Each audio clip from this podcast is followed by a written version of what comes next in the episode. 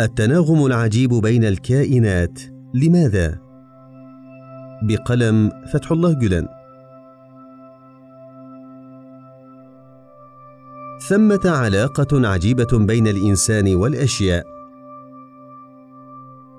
فمن خلق ما نراه وما نسمعه وما نتذوقه هو نفسه من وهبنا حاسة البصر والسمع والتذوق.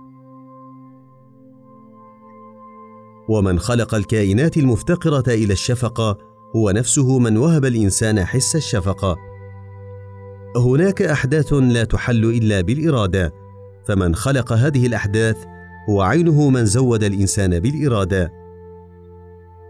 إن واهب هذه النعم التي لا تحصى هو الواجب الوجود الذي منح الإنسان حاسة تذوق هذه النعم. فالذي وضع العين في وجه الإنسان هو من وضع الشمس كعدسة في عين السماء لأن هناك تناسبا وعلاقة متينة بين عين الإنسان والشمس. فاكهة التفاح تحمل في ثناياها الفيتامينات المفيدة لجسم الإنسان حتى إن قشرتها الحاوية على السليلوز لا تخلو أيضا من الفائدة إذ تتخلص الأمعاء من الكسل بقشرة هذه الفاكهة حال تناولنا إياه.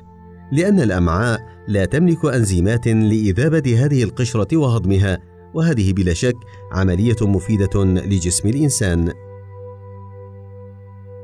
التفاحة مفيدة بفيتاميناتها ومع توافرها على هذه الفيتامينات فهل كان الإنسان سيبدي رغبة في أكلها يا ترى إذا اشمأز الفم منها ورفض تناولها؟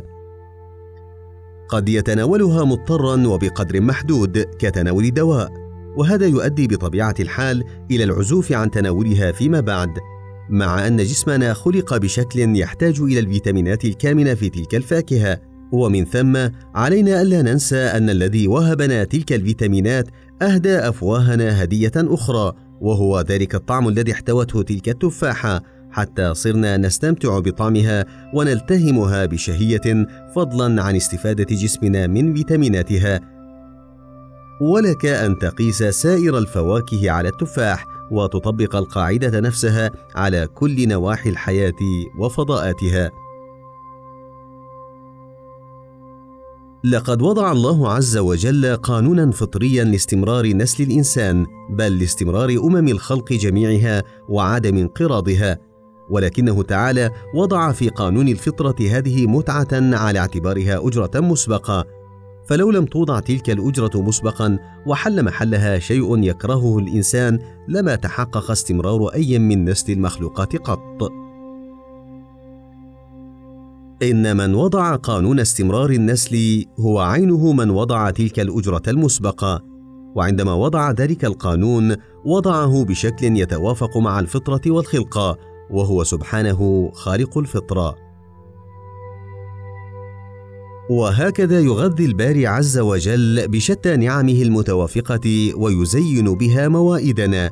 فإذا بعواصف تهب عاتية لتدمر تلك الموائد التي أعدت بعناية. أجل تهب رياح الموت فتمحونا وتمحو تلك المكرمات في حين أن هذا يخالف الحكمة التي نراها في كل شيء. اذا فالنعم التي وهبت لنا هنا ليست مؤقتة بالتأكيد ولم تبسط بين أيدينا من أجل دنيا فانية. إذ إن تناغمها معنا وتوافقها فيما بينها ما هو إلا دليل على منحة خالدة أكبر ترتبط بها هذه النعم جميعها. وما اللذة المغروسة فيها هنا إلا لتنبيهنا إلى عالم آخر وإغرائنا بدار أخرى وحثنا على العمل لكي نفوز بتلك الدار. إن النعم المبثوثة في هذه الدنيا عينات للنعم الأصلية التي ستمنح في الجنان الخالدة. وإنه لمن الحمق أن نقر بوجود تناغم بين تلك النعم في هذه الدنيا ثم نرفض صلتها وعلاقتها بالآخرة. لقد خلق الله تعالى هذه الدار وتلك الدار وجعل بينهما رابطا وثيقا وحبلا متينا لا ينحل أبدا.